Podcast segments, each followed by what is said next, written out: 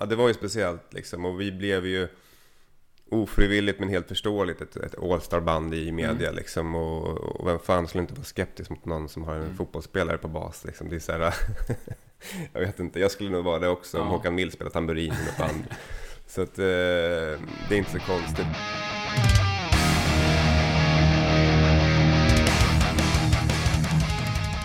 Du lyssnar på Rockpodden.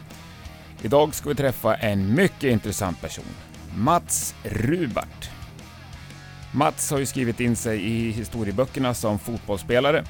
Kanske främst efter att vara den mest utvisade spelaren i Allsvenskans historia. Men i AIK-kretsar kommer han alltid att vara en ikon. En enorm bollbegåvning som dessutom alltid visade ett enormt stort klubbhjärta. Mats har ju även meriter från både A-landslag och juniorlandslag i fotboll. Men efter en lång och framgångsrik fotbollskarriär så hoppade han ganska omedelbart in på musikspåret. Där han med sin supergrupp Casablanca fick en rykande start på karriären. De spåddes en lysande framtid i musikbranschen och många var ju som såg Casablanca på P3 Guldgalan och Melodifestivalen och som förband till Kiss. Men sen så blev det ganska tyst. Och för den stora allmänheten kan man väl säga att Casablanca försvann helt. Men de finns fortfarande och det här ska vi ju naturligtvis prata med Mats om. Och hur han lever sitt liv och vad han har för andra spännande musikprojekt på gång nu för tiden. Du lyssnar på Rockpodden med mig Henke Branneryd. Jag önskar dig en god lyssning. Då sitter vi i Mats Rubarts kök ett par eh, utsparkar ifrån Tele2 Arena. Mycket, mycket trevligt att få komma hem till dig. Eh, kul att du kunde komma. Ja, jättetrevligt. Fantastiskt gott kaffe bjuder du på också. Tack. Hur mår du idag? Eh, bra, lite trött men eh, glad efter eh, derbyseger igår. Så det var kul. Kan jag tänka mig. Det var ju fantastiskt bra resultat om man är AIK-are. Ja, precis. Ja. Det, det, resultatet det eh, passar inte alla kanske, men aik mår ju bra. Ja, det här spelas in dagen efter derbyt. Och dagen före releasen av din självbiografi kan man kalla det va? Mm, ja, det kan man kalla det och det stämmer precis. Den, den eh, släpps den 23 här och jag ska ner på Bokmässan i Göteborg imorgon. Och sitta i en tom monter säkert. Det tror jag inte. jag vet inte, fel stad att släppa en AIK-bok. Finns det ingen Black Army-bransch i Göteborg? Det finns det säkert. Ja, det tror jag. Ja, Mats, Mats Rubart heter Ja, precis. Efter en AIK-ramsa. Ja, precis. Eh, det var väl ett passande namn tyckte vi. Ja, skitbra. Fruktansvärt snyggt omslag. Ja, det är en bra bild på mig och Martin Hansson när han ja. håller upp ett gult kort och hamnar väldigt nära honom. Ja, och att kortet hamnar i texten. Jag tyckte ja, det var precis. jättesnyggt. Ja, tack. Verkligen. Ja, men vi är här för att prata musik först och främst. Mm. Även om jag har ett stort fotbollsintresse också. Vi börjar här och nu. Vart står du rent musikaliskt idag? Eh, vad jag pysslar med menar du? Ja. Eh, ja, jag har ju mitt eh, band Casablanca eh, som spelar lite poppig hårdrock. Eh, och just nu så väntar vi lite på att få ihop någon bra turné för att det, det är svårt. Vår trummis Jossan har flyttat till Los Angeles. Mm. Så det är lite svårt att få det här liksom ett gig på en helg utan vi måste få ihop en turné för att vi ska liksom ha råd att flyga hit henne och repa och liksom köra. Så att vi släppte ju vår senaste skiva, vår tredje skiva, i, i för ja, ett år sedan nu då. Mm. Som fick jättebra respons där, så det, det, det, var svinkul. Och sen så är jag lite hemlig medlem i ett uh, Italo Disco-band. Uh, jag är uppväxt på 80-talet så att då gillar man både synt och hårdrock. Så jag... Gör man tänkte jag säga, men... jag gjorde det. Jag fuskade ja. med båda på båda sidor, men man fick ju inte det. Nej. Men jag gjorde det. Ja. Har alltid gjort. Alltid älskat Pet Shop Boys och Kiss liksom. Mm. Uh, och sen så håller jag på att pyssla lite med reklammusik också. Jag har gjort lite så här låtar, jinglar till reklammusik. Eller reklamfilmer. Och sen så, ja det är väl typ det. Mm. Ja. Det är ganska mycket ändå. Ja, jag försöker hålla på eh, med lite olika saker. Jag tycker det är tråkigt mm. att göra samma sak och samma sorts musik och sådär. Mm. Så att jag, det är, ja, jag, jag har skapat, eh, ah, skitsamma. Ja. Men eh, Casablanca, vilken typ av turné Pratar vi klubbturné i Sverige eller Europa eller? Alltså vi vill nog helst ut i Europa. Vi har gjort ganska många svängar i Sverige nu och mm. eh, vi har även varit i Spanien två svängar som har gått jättebra. Så att, eh, och då har det varit 10-14 dagar, liksom 12-13 mm. spelningar. Mm. Så något liknande sånt, gärna i ett, ett, nytt land. Vi har haft erbjudanden från alla de här europeiska, Frankrike, Tyskland och Italien. Mm. Men det har aldrig passat liksom, så att alla har kunnat. Ryan Roxy som spelar gitarr har ju, fick, har ju, ett par år sedan fick han åka ut med Alice Cooper igen. Mm. Fick en ny chans där och han har ju varit otillgänglig i stort sett. Ja. Så när han började spela med honom och då kände vi för ett par år sedan här att vi var tvungna att ta in en ny gitarrist. För att, mm. Då tog vi in Erik Almström som spelat i Bullet bland mm. annat förut. Uh, och då vart vi i alla fall tillgängliga.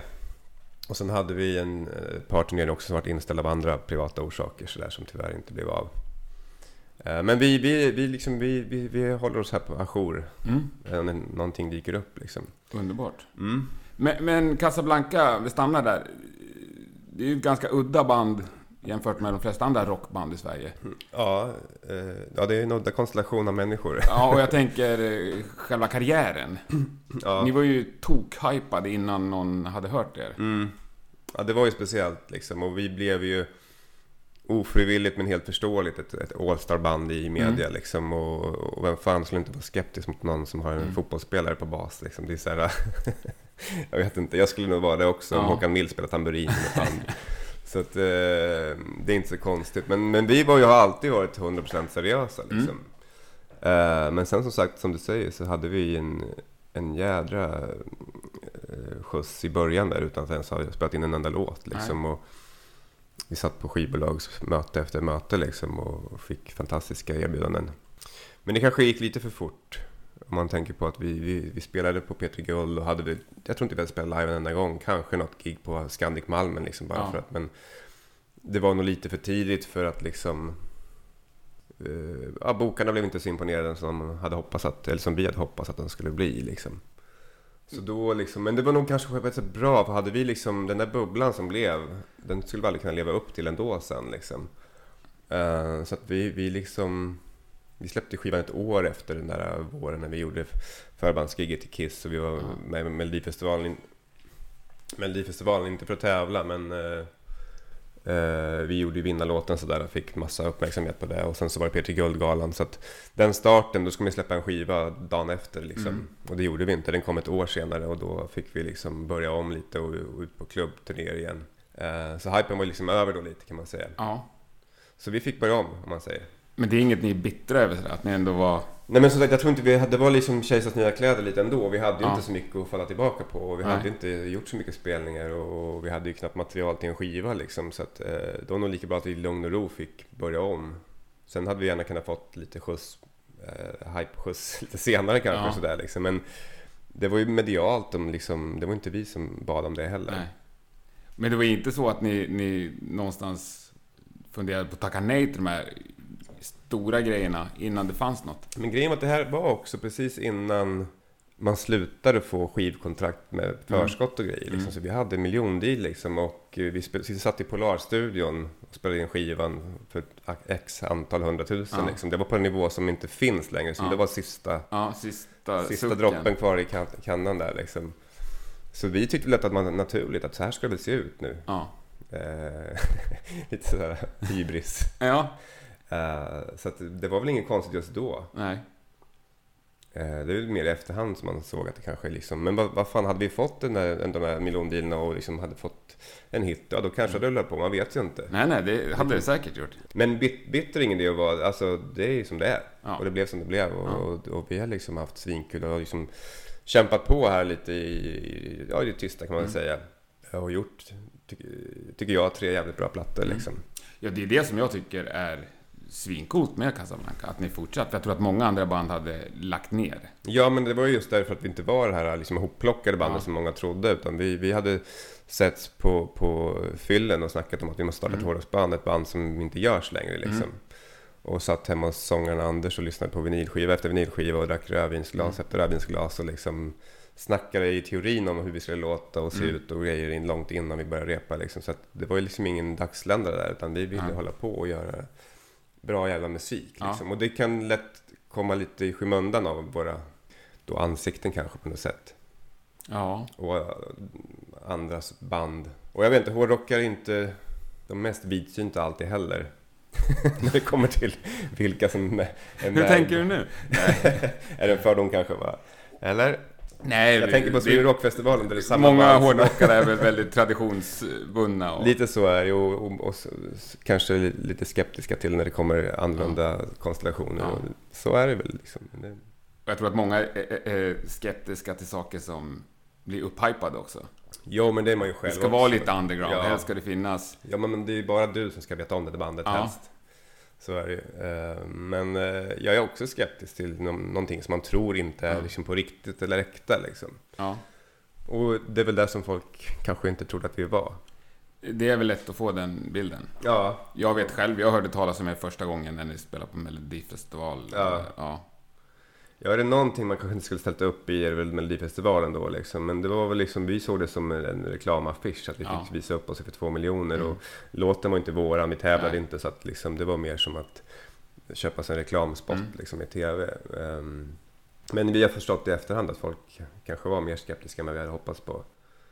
Uh, men likadant där, vi kan inte tänka på sånt heller. Vi har liksom jag vet inte hur många låtar jag och Anders har skrivit. Alltså, det måste vara 200. Alltså, vi har mm. kämpat så in i helvete mm. men själva för att få musiken att låta bra. För vi mm. visste att det, det blir inte trovärdigt om vi kommer ut och gör blajig musik sen. Um, så det är verkligen gjort med hjärta och kärlek alltså. Mm. Ja, och det tror jag inte någon ifrågasätter nu för tiden va? Nej, inte om man lyssnar. Nej. Det tror jag inte. Det är sådana som jag som kommer hit och drar upp det. Ja. En massa år senare. det är lugnt. Ja, men om vi ändå fastnar lite där. Den här Petri Guld-grejen. Var det det som var själva vändningen eller själva... Alltså jag tror, att, vår, jag tror att, att vår manager hade dragit dit nästan alla bokare i Sverige liksom. Ja. Um, Men ni körde en låt eller? Ja, vi körde Downtown som var liksom singeln skulle släppas.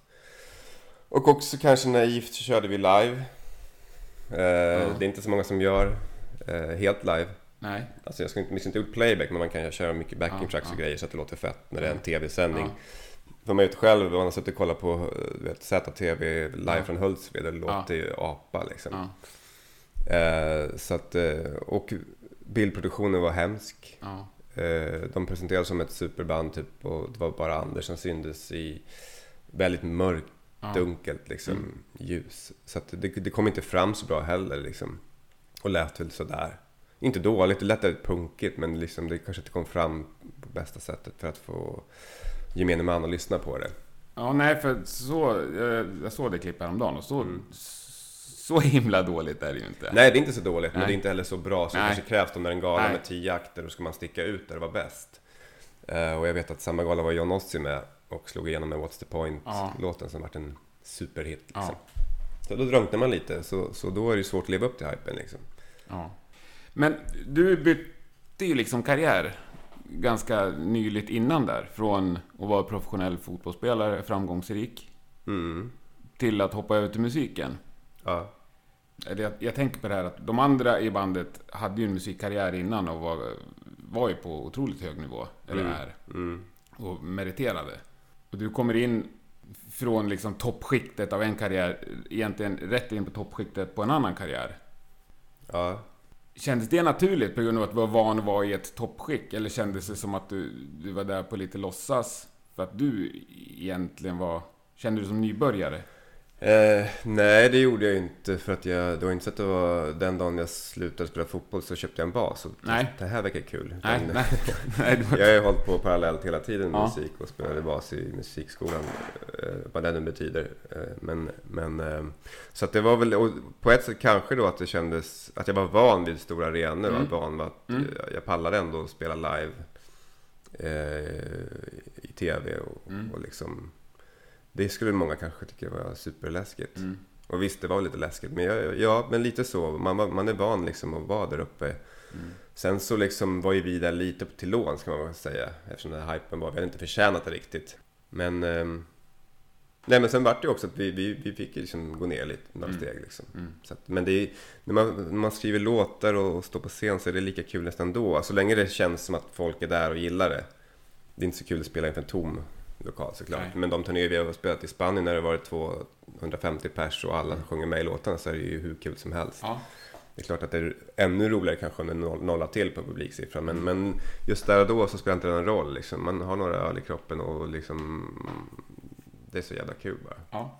ja, det är väl ungefär den nivån jag har lyckats komma till också. Jag håller fullständigt med. Ja. ja.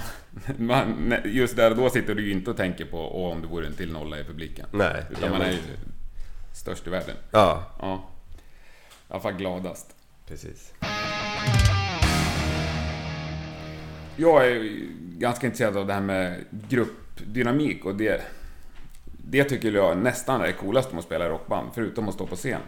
Mm. Så är det just det här att man är ett gäng grabbar eller grabbar och tjejer som gör saker och ting helt själv ofta. Ja. Man uppfinner allting själv. Man skriver låtarna själv, man ritar loggan och man skapar alla kontakter själv. Du bestämmer allting själv. Om mm. hur man ska göra, vart man ska spela, när man ska repa, när man ska spela in. Allt. Exakt allt. Och i, i fotboll bestämmer man ganska lite själv. Ja, ja det är totalt skilda världar. Ja. Och när jag slutade spela fotboll så såg jag ju fram emot den här friheten. Ja. Men sen efter ett par år så börjar man fundera på om det inte var bättre att ha ramar och tider. Alltså. Ja, men det är både och såklart. Men ja. det, är, det är jäkligt mycket att tjafsa om också då. Ja.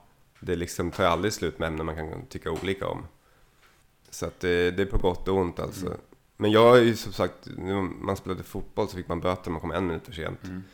Så jag har ju suttit så många rep och väntat på de andra ska komma liksom. Eh, och inte riktigt hajat det där att, att den här akademiska kvarten är ännu längre inom musikvärlden. Ja. Eh, så det kan man störa sig på. Och sen så är det musikaliskt också svårt att liksom komma överens. Även fast vi har gjort det bra mm. så har det ju varit vissa stunder man mm. inte förstår hur band kan hålla ihop. Eller man mm. kanske snarare förstår varför band splittras ja. ofta. Ja, absolut. För det är tufft alltså. Men har ni en bra, enkel beslutsprocess i Casablanca? Nej. Eller vi, vi, vi försöker vara demokratiska, men om någon tycker någonting väldigt mycket så verkar den få två röster. Så det... Ja, det känner jag igen. Det tror jag många gör som har spelat rockband. Ja. Till och med tre röster ibland. Till och med tre. Och i vissa band är det en person som kanske nästan har alla röster. Ja, men det är, lite, det är lite olika. Ja, jag tycker alla varianter kan funka, bara man överens om att det är mm. så, så det funkar. Mm. Nej, men jag tycker att nu har vi hittat en, en, ganska bra balans i alla fall. Och man får ju, Anders som, som skriver alla texter och han och jag har skrivit det mesta musiken mm. ihop. Men han är ändå den starkaste motorn musikaliskt. Ja. Och även lead singer liksom. Så att han får ofta sista ordet ja. musikaliskt. Mm. Inte alltid alls, absolut inte. Men han brukar ofta ha starkast åsikter också. Eh, och sparka bakut hårdast när han mm. tycker någonting är dåligt. Mm. Ja, men det är schysst. Och då är det bra att komma från fotbollsvärlden för då är man ju van vid alltså, att vara diplomat och liksom vara en i, i gänget. Så jag är, jag är nog väldigt bra på att anpassa mig. Men jag kan också tjura till, absolut. Men när du kom in i musikvärlden, var det någonting som var chockerande? När du ändå bytte bransch, så att säga? Eh, inte chockerande, men det som, det som var, som jag sa tidigare också, var just det här oförmågan att kunna bestämma saker och att man inte var van vid att man inte hade någon som sa åt en. Mm så här ska ni göra. Nu har jag i och för sig en manager, men han är inte inblandad dagligen i vårt Nej. dagliga arbete. Måste jag säga. Så där blev jag nog chockad över hur mycket tjafs det kunde bli och småbråk över mm. tider och, och, och, toner och allt mm. vad det mm. kan vara. Liksom. Det var jag inte riktigt beredd på. Jag trodde det var hur soft som helst att ja. spela band, men det är eh, slitigt på många sätt också. Ja. Så det var väl största skillnaden och, och största, liksom, ja, inte chock då, men, men eh, aha-upplevelsen. Ja. ja, jag fattar. Men om vi tänker innan fotbollskarriären satt fart, gjorde du ett val mellan fotboll och rock?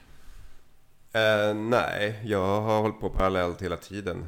Uh, jag hade mitt första syntband i femman som hette Electric Power. Mm.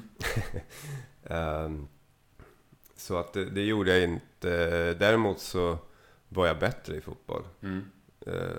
och det var där liksom, jag var mycket längre fram i vad man säga, utvecklingen. Musik, jag har aldrig varit någon speciellt bra musiker liksom. Och det är först sen jag började med Casablanca faktiskt som jag har blivit en, eh, ja, en hyfsad basist och faktiskt en ganska bra låtskrivare mm. tycker jag. Och jag har ju lärt mig mycket av dem i bandet. Och spela med de där mm. Eh, som har hållit på så länge, det är ju otroligt utvecklande. Och skriva låtar också. Anders har lärt mig sjukt mycket om att skriva låtar. Jag var alldeles för rastlös låtskrivare förut och liksom bytte melodier hela tiden och bytte ackord och skulle ha hundra ja. olika partier och det blir liksom progg till slut. Alltså ja. så här liksom, att den här enkelheten fast ändå hitta de här starka partierna och melodierna och riffen liksom. Men har du liksom haft band, har du haft något strögig sådär under din fotbollskarriär också? Eh, ja, inte så mycket. Jag var med, jag hade ett skatepunkband i gymnasiet som gjorde två taffliga framträdanden. Men sen är det just att när man spelar fotboll och håller på med musik så är det svårt ja. att stå och ha gig liksom och sen har du match dagen efter. Ja, det, det, går, det, det, går liksom inte. Och jag hade ett soloprojekt som hette In the Doldrums för 10-12 år sedan. Som också skivbolag var intresserade av. Men mm. de frågade hur ska du kunna gigga då? Jag, mm. Vilket band ska du ha? Jag, mm. Det gick inte. Nej. Det var helt omöjligt liksom. Men då blev det ju ändå ett val då? Ja, det blev väl ett, liksom ett val som... Jag valde inte, men det blev så eftersom ja. det ena börjar tjäna pengar på och då är det det som ja. bestämmer hur ditt liv ska se ut ja. i, i, stort liksom. Och då kunde jag ju valt att strunta i det, men det, det ville jag inte heller. Nej. För att jag ville ju se hur duktig jag kunde bli på fotboll liksom. Och, ja, jag fattar. Eh, Nej, jag tycker det är jätteintressant, för jag... nu ska inte jag jämföra med, med dig fotbollsmässigt. De som har sett mig spela fotboll skulle tycka det var högst eh, underhållande. Men jag vet ändå jag fick en, en hand på axeln av min fotbollstränare när jag var 16. Alltså mm. Henke, du kan inte bara komma längre nu till matcherna. Du måste börja träna också. Och det, för mig då, då repade jag tre, fyra dagar i veckan. Mm. Så det var, ja men tyvärr, tack. Mm. Det var inget, det heller inget val, men det blev bara en naturlig följd. Ja. Eh, men jag tjänade inga pengar på fotboll. Nej. Jag var inte särskilt talangfull heller. Men jag tyckte det var extremt roligt.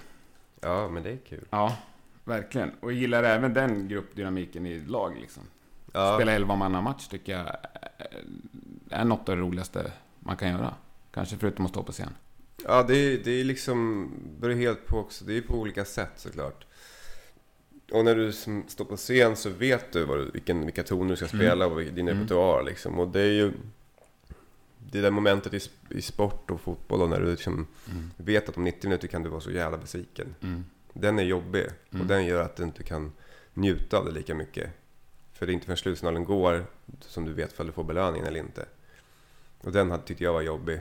Eh, framförallt då när man spelar på, på ganska hög nivå så ja. är det ju press runt omkring också. Mm. Och man vet hur mycket det betyder för folk liksom. Mm. Så jag kunde aldrig njuta av att spela fotboll i vuxen ålder nästan. Är det sant? Ja.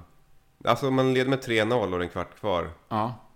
Så då kan det vara skönt, då kan man spela ut liksom. Men om jag gör ett mål i fjärde minuten, det är ingenting som säger att vi vinner matchen för det. Jag Nej. kan inte njuta av det förrän det är klart liksom.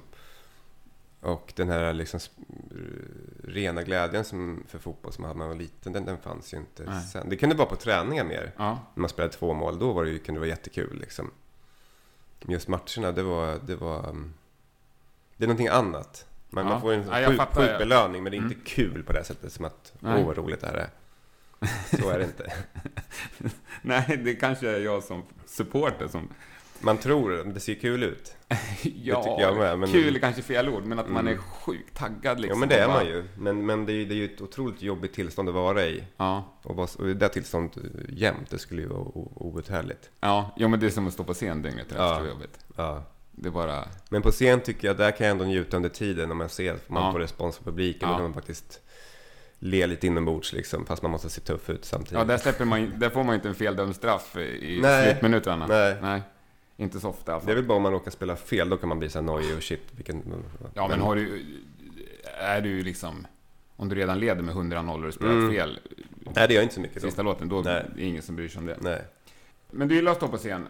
Har du någonting du gör innan du går upp på scen? Eh, dricker öl. Mm. Hur många? Eh, två, tre. Mm. är väl lagom. Mm. Mer, då kan man spela mer fel. Ja.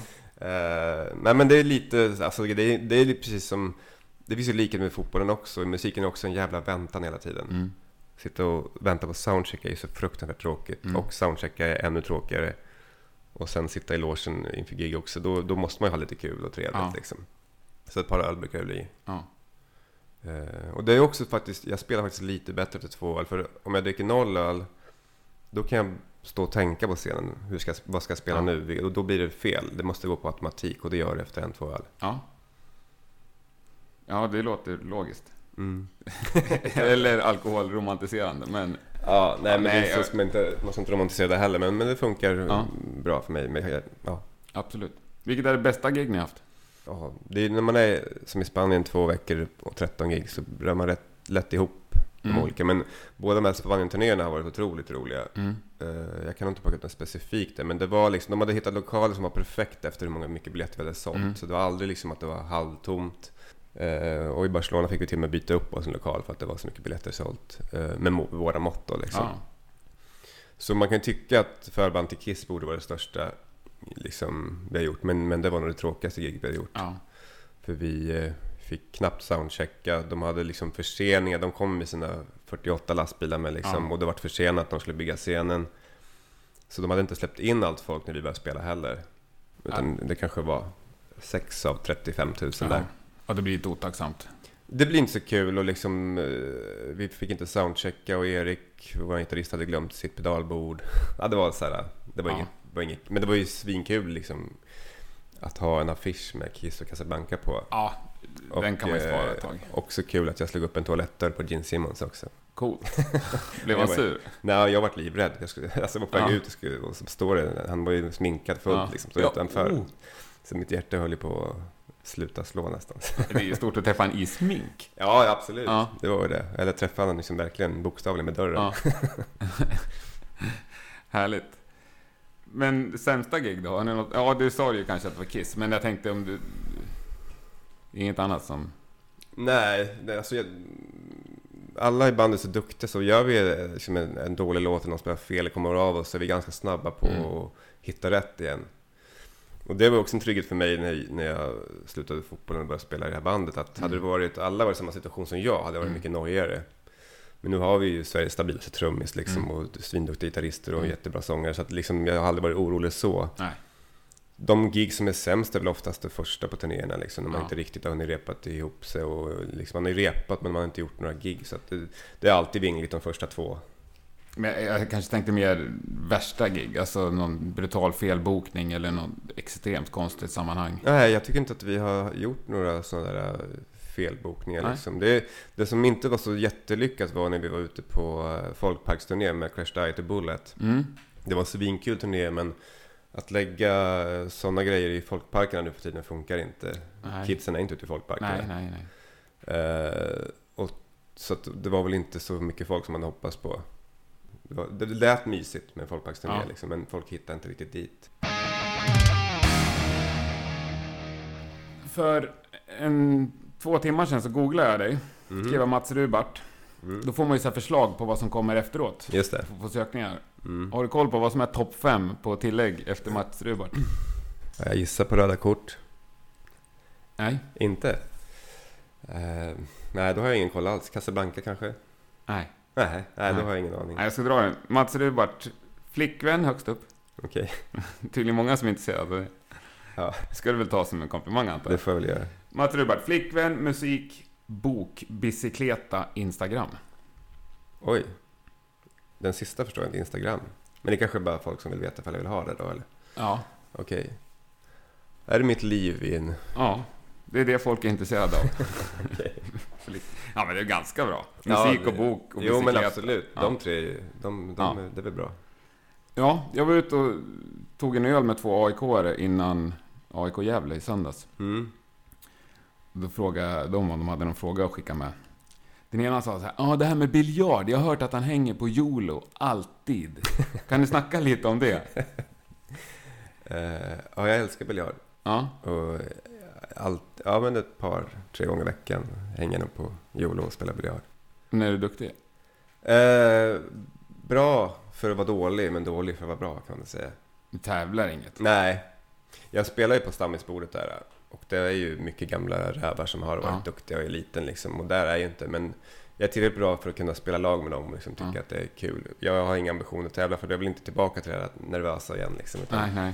Det är ren och skär glädje bara. Ja. Och eh, i biljardhallen så hittar jag någon sorts lugn där jag inte tänker på något annat utan bara tycker att det, det är kul att spela biljard. Och få använda bollsinnet lite. Lite kanske också Ja. och lite sådär, vi tävlar ju sinsemellan men det är inga Ja. sådär arrangerade tävlingar liksom. Men vad spelar du för något? Eh, mest nineball. Ja, ingen snooker. Jo, förut spelade jag jättemycket snooker också. Men eh, jag och min kompis Johan Wallinder spelade när han var pappaledig, nu är det nog tio år sedan, så spelade vi Ja. nog varenda dag. När hans unge hade somnat så smög vi in i snookerhallen, så körde vi tills hans unge vaknade igen. Så det kunde bli allt från en halvtimme till två, tre timmar. Eh, då var vi nog där nästan varje dag i snookerhallen. Ja. Men så sjukt svår sport och efter två år så hade vi knappt, man tycker inte man utvecklas liksom. Nej. Så det är lite som med skateboard, det är lite för svårt för man ska Ja. liksom ha tålamod och bli bra i det. Jag tänkte säga spela fiol också. Jag är så sjukt Ja, impad det- folk som ja. orkar. Man vet att det är fem år innan Mm. du lyckas med någonting nästan. Nej, snooker är ju, när du sätter en boll där så är i och för sig belöningen sjukt stor. Ja. Eh, men eh, biljard är lite, mm, lite simplare Mm. eh, och därför får man den här glädjen lite oftare. Okej. Men du har inga drömmar om att ta hem Nej, amatörmästerskap i biljard? nej, jo, nej, det har jag inte. Jag har inga ambitioner att börja tävla i alla fall. Nej. Och jag orkar inte träna vidare, bara spela. Nej. Jag står inte och nöter. Nej. Som man måste göra för att bli bra. Låtskriveriet. Du skriver lite till något förlag också? Inte just nu, jag, hade, jag var signad på förlag i flera år. Ja. Men jag har lagt ner lite den för att det, du lägger så otroligt mycket tid eh, på låtar som aldrig får, får någon plats någonstans. Eh, så att jag har liksom, och det var till slut inte kul heller och man börjar liksom lyssna på vad, vad spelas på listorna, vad ska man göra för sorts musik för att förlaget ska tycka Mm. att det är bra liksom. Och det var, man kan säga surt sa räven också, hade jag fått Mm. massa hits kanske hade det Mm. hade jag fortsatt liksom. Men det är en tuff bransch att slå sig in i. Ja. Eh, Jag fick med en låt på en fransk artist som heter Johnny Halliday. Så det var ju otroligt kul. Han är Mm. ju Frankrikes största artist nästan. Mm.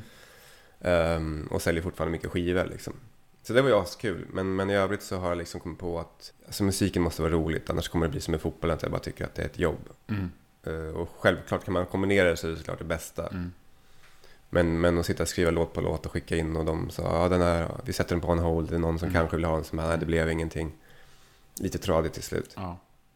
Eh, Och jag hittade aldrig något bra gäng heller för att man Jag är ingen producent. Jag, jag, jag, jag toplinar liksom och skriver Mm. melodier och sådär och kan göra halvhyfsade demos men det räcker inte för att skivbolagsnissar ska höra att det är en bra låt. Så funkar det inte riktigt. Så man måste ha alla bitar i i pusslet. Både Ja. producent, textförfattare, låtskrivare plus helst en bra jävla demosångare och Mm. eller sångerska också. Så jag hittade aldrig något bra gäng att liksom eh, köra med heller. Eh, Så jag saknade vissa bitar för att kunna få låtarna förlagda, eller satta liksom. ja, jag fattar. Men fick du ut något mer än den franska? Inte, som, inte via förlaget. Det andra, andra grejer som jag har liksom fått med på grejer har jag liksom fixat själv inom Mm. kontakter och sånt där liksom. Och jag och Jossan i eh, Casablanca har också skrivit låtar åt en tjej som heter Amina Al Fakir. Mm. Singer-songwriter stuk på liksom. Så Mm. att, men det, det mesta får man göra själv som du säger Mm. i musikbranschen. Det, det är liksom, är du på en hö- hög nivå då hjälper förlagen Mm. till väldigt mycket. Men, men innan dess så måste du göra mycket själv innan någon ska orka ta i det. Men det här med reklamfilm då? Mm. Finns det någon... Har jag sett någon som du har gjort musik till? Eh, jag vet inte hur mycket du tittar på TV. Ja, i, i sig. Men rent... Vi leker med tanken. Ja, men jag har gjort en hel del. Men eh, jag har gjort till exempel eh, till Head and Shoulders med Henke Lundqvist. Och jag har gjort två eller tre olika låtar tror jag. Coolt. Vilken sportkoppling där. Ja, det, Henke det Lundqvist Ja, som fotomodell och dig som låtskrivare. ja, Ja. Det, eh, och du faktiskt gjorde en låt eh, till Head Shoulders när han skulle låtsas sjunga Jaha. om kärleken till sin schampoflaska. Men är det du som sjunger? Ja, det är jag som sjunger. Ja. Men, eh, och vi skulle göra en video där han gick omkring i New York då, och liksom saknade sin schampoflaska. Ja. Men han, han bangade på den idén. Kanske inte jag får säga det här, jag vet inte. Nej, jag trodde inte han tackade nej till någonting. Eh, Alltså, han gjorde reklamen, men han ville inte, han ville inte mima till... till Nej, ja, ja, ja, men då tackade han i alla fall nej till något. Jag trodde han ändå... Ja, Jo då. nej, förlåt. Men det Italien Disco-projektet, vad, vad är Mm. det för något? Alltså det, det är eh, precis Italo Disco som, Ja. som var stort på 80-talet. Helt elektroniskt? Ja, jag gör allting hemma själv Mm. på mjukvarusyntar Mm. liksom, som är replikor från 80-talssyntar. Mm. Eh, och det var eh, en kompis till mig, eller två kompisar till mig, som, som bara den ena hade en dröm om att starta ett Italo Disco-band. för Han Mm. gillade när han var liten också. Eh, och då så sa jag att jag kan skriva låtar till det där. Mm. Och ehm, ja, men vi har blivit rätt stora så här, i Östeuropa och Mexiko och alla länder. Coolt. Så vi var i, faktiskt i LA också och spelade i vintras på, en- på en asiatisk klubb där inför 400 pers. Men vad heter bandet? Eh, lite, lite hemligt. Jaha. Men du spelar ute, men det finns ingen, ni har inte släppt någonting? Eller? Jo, vi har släppt, men det är ingen som vet vem jag är. Eller vad bandet heter. Ah, Det var lite, lite så här, Pseudonymgrej liksom. lite som Ghost. Shit. Ja, ja. Så om folk vill veta så får de luska ut det själva. Ja, ja, fattar, vad kul. Ja. Men uh, vi ska troligtvis också till Mexiko och spela på en stor gala inför typ 10 000 pers i januari. Häftigt. Det finns en subkultur liksom som fortfarande gillar den där genren, precis som det finns liksom ja. folk som fortfarande liksom älskar AOR eller har fastnat ja, i någon liksom sådär uh, frimärkssamlare-genre. Mm. Mm. Så finns det, finns det folk i alla länder som gillar Italo Disco också. Coolt. Ja. det blir ju ganska underground nu för tiden. Det är ju väldigt underground. Ja. Det går ju aldrig att bli stora i den genren för att Nej. det finns tusen högst i varje land som gillar det. Kanske ja. 500. cool. Så att vi har släppt, jag tror att det är uppe i 6-7 vinyl 12 nu på ett finskt skivbolag som, som bara gör Italo Disco. Shit vad häftigt. Och på vinyl också. Vinyl ja, 12 va? Ja. Den sista var blå vinyl. Så det var... Underbart. Ja. Ja, det här är första gången jag träffar någon som har ett förflutet som mer än 10 år som fotbollsproffs. Och även om Mats alltid har spelat musik så tycker jag att det är ruggigt intressant att höra hans tankar om musiklivet och musikbranschen och hur det är att spela i ett rockband. För hur den är så kommer han ju lite in från sidan, eller åtminstone med ett annat bagage än de flesta andra i hans ålder som fortfarande spelar rockmusik. Ibland kan jag tänka att musikvärlden är ganska så ärlig. Att är man tillräckligt bra så lyckas man förr eller senare. Och så kanske det är inom fotboll också, men det finns ändå en väldig massa folk som går omkring och känner sig som missade talanger eller missförstådda mm. genier. Ja. Både inom fotboll och sport. Var tror du det finns flest? Musikvärlden helt klart. Ja.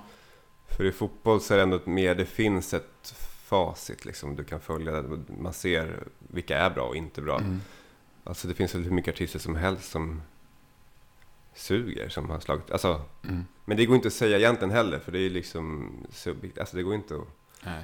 Eh, men jag tror att musikvärlden är fylld av det finns mycket mer i musikvärlden som människor som går omkring och deppar att de inte slår igenom och tycker att det är orättvist.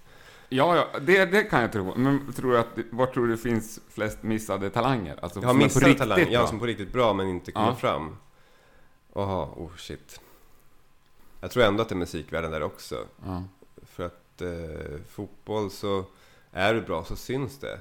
Det finns talangscouter, det finns liksom mm. eh, landskapslag som kommer ja. upp i liksom så jag tror inte, för att i fotboll också så, kan, så är du bra så spelar du ett lag där andra ser dig. Mm. Är du musiker kan du sitta hemma på din kammare och skriva grymma låtar, mm. skicka in, men det är aldrig någon som orkar lyssna på det. Nej. Så jag tror absolut att det finns fler missade talanger i musiken också. Nu eller har ju Idol funnits i många år också, om man nu ja. tycker att man har en musik, alltså sångartalang. Men just låtskrivartalanger, jag tror att ja, det, det finns nog många som sitter ute i stugorna och är duktiga. Men, men nu, nu när man kan ladda upp själv och liksom lägga ut själv så tror jag att man, man kan fångas upp ändå. Mm. Så var det ju inte på 80-talet när liksom behövde stå skivkontrakt. Liksom. Däremot är det också svårt att hitta pärlorna bland all skit nu också. På... Extremt. Ja. Men... Ja, men det dog väl lite, eller dog, men det var väl som värst när MySpace kom. Ja. När alla kunde lägga ut sina låtar och det var typ ja. bara så mycket skräp. Alltså. Lyssnar du på mycket musik? uh, jag lyssnar på mer musik när jag inte höll på så mycket själv. Mm. Uh, och jag tappade lite, jag sprang ju jämt i skivaffärer på 2000-talet. Mm. Uh, både Hot Records i, i Solna och på Sankt Eriksplan finns det ett gäng också. Mm. Så där, och köpte flera skivor i veckan liksom. Mm. Men sen när skivorna försvann lite så och de här streaminggrejerna kom så tappade jag lite. Och det är inte, det, det är inte en dålig tjänst med Spotify, jag tycker det är bra. Men mitt intresse, inte dog, mm. men jag tappade lite det här, det här kollen på, mm. På musik. Och jag gillade att gå och titta i skivaffärer och satt som etiketter på mm. med tips liksom. Mm. Och man ska inte vara bakåtsträvare och sentimental, men, men det är bara så det, så det blev. Och nu så, och efter det började jag köpa en massa vinyl och köpa på mig mina mm. gamla skivor ja, igen på vinyl ja, istället. Ja. Så, så, nu lyssnar jag mest på dem. um, så att uh, jag lyssnar mest på vinyl faktiskt. Det är mysigast att sätta på också ja. på något sätt. Spotify-listan de går, sen så har plötsligt en skiva tagit slut och något annat band kommer på. Man tänker inte ens på det, det bara går runt liksom. Men vad lyssnar du på, på vinyl? allt. Alltså det är så svårt att säga, jag sätter ihop alltså, allt. Mm. jag köper även den ny musik jag köper, köper jag vinyl också. Mm. Uh, men alltså jag lyssnar på allt från Pet Shop Boys till uh, gammal New Wave och British Heavy Metal mm. och mm. liksom uh, även ny Watain och jag vet inte bara, mm. jag har alltså ja. Folks, eller musik som innehåller eh, antingen gitarr eller syntar. Ja. ja, då får ni med ganska mycket. Ja. ja. Men Har du någon skiva som du kan säga satt igång ditt liksom, musikintresse? Alltså när jag var liten menar du? Ja, eller vilken ålder nu? Nej, inte någon specifik. Jag tror, jag tror att min första skiva var... Jag kommer inte ihåg. Jag fick The Final Countdown-singeln av Mm. farmor. Och även Modern, Talking, Modern Talkings, den här med Cherry Lady. Det var typ samma era tror jag. Liksom. Ja, Så jag har alltid haft en bred spännvidd på vad jag har lyssnat Ja. på. Men jag tror inte att de... Jag, jag, lyssnade väldigt mycket på Depeche Mode när jag var liten. För Ja. min storbror lyssnade på dem mycket. Så det är ett, ett, ett favoritband som har följt med. Mm. Även fast de inte gör så mycket bra skivor längre. Eh, Så tycker jag ändå att de, är- de, de inspirerar mig mycket. För vi, ja till syntbandet också. Mm. Med det här Electric Power-bandet som vi hade Mm. eh, i mellanstadiet. Där hade vi... Alla refränger hade slingan från Photographic med Depeche Mode i refrängen. Schysst. Det var typ den enda vi kunde. Underbar bandidé. Ja. Ja. Men går det att kolla på band live? Också mycket mindre nu än förut. Mm. Men det är väl också att man blir gammal och trött kanske. Men jag har varit på Sweden Rock de sista åren. Det tycker jag är kul. Ja. Eh, Men just gå på konserter, inte så mycket faktiskt. Nej. Jag har tappat det lite. Jag gillar ju som, precis sådana som när- Casablanca ute och spelar, så gillar jag bara gå på en, en klubb och där Ja. är det ett band som spelar Ja. och lite så här oannonserat nästan. Jag kan tycka det är askul. Eh, jag var i och för sig på Beyoncé med, med flickvännen här för några Mm. veckor sedan. Det var, ju, det var ju grymt. Men det är ju en helt annan sak. Ja. Det är ju en spektakel, det är liksom en, en show. Mm. Men jag har tappat det lite grann. Jag går ibland, men inte lika ofta som förut. Typ på likadant där 2000-talet också, så sprang jag och tittade på alla de här banden jag köpte Mm. skivor utav. Liksom. Eh, så där, det blir också lite som när man håller på själv också. Jag, nu tycker jag att det är skönt att det är tyst när jag inte Mm. sitter och skriver musik själv. Liksom. Ja. Och det kan ju tyckas lite tråkigt, men man, jag vet inte. Man liksom väljer, man behöver inte välja sida, men blir man på ena sidan så är det in, då orkar man inte riktigt den andra fansidan heller. Lika som när man spelade fotboll så orkar inte jag gå på matcher, men nu går jag på matcher när jag inte Mm. spelar längre. Mm. ja. Jag fattar, jag tror att det är många som Ja, kanske. känner likadant. Ja. Mm. Jag har hört det förut. Men har du något nytt band som du har tagit till dig nyligt? Nej, uh, oh, nu måste jag tänka efter. Jag gillar ju Ghost faktiskt. Ja. Eh, jag blev knockad när deras första skiva kom. Mm. Även fast jag visste att deras image inte var så farlig som de kanske vill framstå. Eller det känns ju mer som också liksom... Eh, det är inte farligt som hårdrocken var på 80-talet. Jag var ju livrädd för W.A.S.P. liksom. Mm. Eh, och, och de här Alice Cooper också, Ja. liksom halshugger människor. Ja, Trodde ja. man på riktigt. Det tror man inte om Ghost. Du Man- gjorde det? Ja, när jag var 8-9 så... Eller jag undrar nu i alla fall. Ja. Du vet den där giljotinen, alltså, kan det verkligen Ja. stä- stämma? Ehm, och Blackie kissade på kött och kastade ut i publiken Ja. hörde man också sådär. Jag vet inte, det var ju naivare tid då också Ja. överlag med Sivert Öholm och hela det där okej, svar direkt vad fan det var för någonting. Ja men det är så sjukt liksom, man skrattar Ja, det är, det är, ja, så här efterhand är det ju helt sjukt. Ja. Ja, men jag, jag tycker ändå Ghost har en jävla förmåga att skriva låtar, Mm. vilket jag tycker många hårdrocksband saknar. Ja. Hårdrockare kan ofta lira men, men de kan inte skriva låtar. Om jag generaliserar hårt. Ja, det, det, det, får, det får man göra om man vill. Ja, Ja, men boken. Jag hörde i en annan podd att du också höll på lite med en barnbok. mm, precis. Eh, jag började spåna lite med Josefin som jag skrev boken ihop med. Ja. Och då haspade jag ur mig att jag skulle nog... Hade haft en tanke på det innan också. Eh, och det finns liksom... Jag har också jobbat i en skola i två år Mm. som resurslärare och jag märker att eh, framförallt unga killar inte läser så mycket. Mm. Så jag hade, fick en tanke om att skriva någon, liksom, det handlar om fotboll lite grann, men mer liksom som Buster när man var liten, att det Mm. liksom är lite, ehm, kanske någon en superkraft eller något, Mm. någon detalj som gör att det blir liksom en liten twist. Jag vet inte, jag, jag, på, jag sitter och spånar på manuset liksom. Så får vi se ifall jag, jag kan skriva, men sen så gäller det att få ihop den, Mm. själva boken också sådär. Så att, men jag, jag, jag, jag filar på den får vi se. Men hur små barn tänker du? Alltså 9 till 12 kanske. Ja, som ändå är läskunniga? Ja, som en läskunnig. Det ska inte vara någon bilderbok så. Utan nej, det nej men liksom, inte... nej, men man ska kunna läsa den själv, Mm. tänkte jag. Så vi får se ifall det blir något. Jag Mm. hoppas det. Spännande. Mm. Det är ju ganska vitt spektrum, eller Ja, säger. men jag gillar att hålla på med olika saker Ja. liksom, och kreativa saker. Ja. Eh, Och, och, och försöker undvika 8-5 så mycket det går. ja. Även fast jag har gjort det också, såklart. Och måste kanske göra ibland. Men kanske aldrig igen. Förhoppningsvis inte. Nej, skönt. Det gläder mig att höra. Inspirerande. Men var, var du klassad som en djuping liksom, bland fotbollsgrabbarna? Mm, jag vet inte hur de andra tänkte. Alltså i fotbollsvärlden räcker det om du har läst en bok med en rysk författare så är du ett så är du en djuping. Då är du tok, tokig ja. ja, så att det krävs inte lika mycket där och det är ganska tacksamt att bli den här mm. Lite udda fågeln bara för att man liksom ja. har lite andra intressen. Det är liksom, jag har inte, jag läser inte svåra böcker eller lyssnar på konstigare musik än någon annan tycker jag. Nej. Så att det är liksom i en musikerkretsar så är jag ju inte någon djuping. Nej. För jag menar. Men Nej, och jag tycker inte att det finns något djupt heller oftast i musikerkretsar. Nej, man, man tror lätt det. Men just i sportvärlden så kan det ju vara väldigt ytligt. Ja, framförallt är det väldigt enahanda, ensidigt. Mm. Det är liksom oftast bara fotboll som gäller. Och då om man sticker ut lite grann så sticker man ut väldigt mycket mm. i fotbollsvärlden. Så är det ju. Men... Eh, ja, jag vet inte. Men det är ju liksom... För fotbollsspelare, det är som musiken i omklädningsrummet, det gav jag upp ganska tidigt och försöka mm. vara med och bestämma för att det ja. var ingen som uppskattade det ändå. Och så är det väl gemene man också. De flesta har ju ingen bra smak. Nej. De sätter på någon radiostation liksom. Ja. Och sen tycker de att de har blandad musiksmak. Mm. Mm. Ja, precis. Tycker att man lyssnar på allt, för man ja, lyssnar på alla. allt som spelas på Mix Megapol. Precis. Men dina polare nu för tiden, kommer de från musikvärlden eller fotbollsvärlden? Ja, alltså på något konstigt sätt, ju äldre man blir så umgås man med dem som man har projekt med. Ja. Och som liksom finns där ens hobby finns ofta. Mm. Jag har jättemycket gamla polare från Örebro som bor uppe i Stockholm också. Mm. Som har skaffat familj. Och man träffar dem inte så ofta. De är fortfarande ens kompisar. Mm. Men man ses inte så ofta som man kanske skulle vilja. Och sen så när Casablanca har intensiva perioder, då umgås jag nästan bara med dem. Ja. Och nu umgås jag mycket med dem i biljardhallen också. Och mm. vissa gamla fotbollskillar träffar jag ibland också och käkar middag och sådär. Mm. Så jag försöker hålla ja, men lite från varje sådär liksom. Mm. Men så annars så tycker jag mest man är med sig själv. Ja.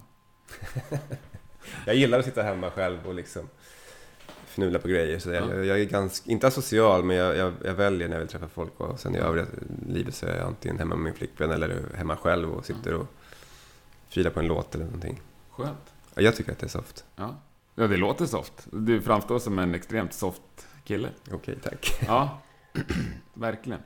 Har du någonting du tycker att jag borde fråga dig om? uh, nej, det är svårt för mig att veta. Uh, ja.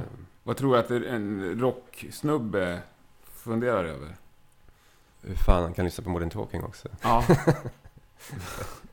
Säg inte att du gör det fortfarande. Säg inte det högt. Jo, men alltså grejen är att jag skiter i vad folk tycker. Ja. Uh, jag tycker att det där menar med hårdrocksvärlden, att det är väldigt cementerad och man ska vara på ett visst sätt och vara... Det finns för mycket posörer tycker mm. jag. Och eh, det är liksom... Fan, hårdrocken och synten ligger inte så långt ifrån varandra egentligen. Det är liksom, det är syntar med i hårdrocken mm. och det är gitarrer med i synten. Så att mm. det liksom, det flyter ihop uh, mer och mer tycker jag. Mm. Och jag vill också hålla på, jag skulle tycka det var astråkigt att skriva hårdrockslåtar hela tiden. Mm. Och därför måste jag hålla på med olika genrer. Jag tror också att man, just det här med att hårdrockare ofta inte kan skriva låtar, det är de hårdrockarna som bara lyssnar på hårdrock. Mm och bara vill låta som idoler. Liksom. Men mm. för att skriva bra hårdrock tycker jag du måste lyssna på men Elliot Murphy eller vad som helst, ja. liksom, något annat. Mm. Du kan inte bara lyssna på Saxon och sen så ska du låta som Saxon. Det blir ju inte så jävla sexigt till slut. Nej, alltså. nej. Men det finns många som gör det. Ja, det är det jag menar. Ja. Det finns många som gör. Och det blir ju liksom, visst, det, blir, det låter helt okej. Okay, det låter ungefär som Judas, Judas, ja, Judas Priest, vad fan det är liksom. Men det blir ingenting nytt, det blir ingenting liksom som, som sticker ut och inte så intressant. Eh, men har du något mer planerat? Något mer inbokat i kalendern? Musikkalendern? Eh, nej, just nu så är, det, så är det rätt lugnt faktiskt. Mm. Eh, så att vi, vi hoppas få ihop en turné med Casablanca igen och gärna i Europa någonstans. Mm. Liksom. Och sen så är det det här Italo-grejen som vi gör lite gig och vi ska på någon syntfestival i Halmstad i oktober tror jag. Häftigt. Eh, så det är det som är i pipelinen just ja. nu. Och så släpper en bok imorgon. Jajamän. Den har släppts när det här avsnittet släpps. Men... Mm. Ja, köp den. Ja, gör det. Hur får man tag i den? Den går att beställa via Idrottsförlaget eller Adlibris eller alla nätbokhandlar. Eller i AIK-shoppen kommer den finnas också för de som eh, bor nära Friends. Underbart. Men du, jag då önskar dig stort lycka till med allt. Tusen tack. framtiden. Och fantastiskt trevligt att få komma hem och träffa dig. Kul att du kom. Mm, tack! Tack, tack.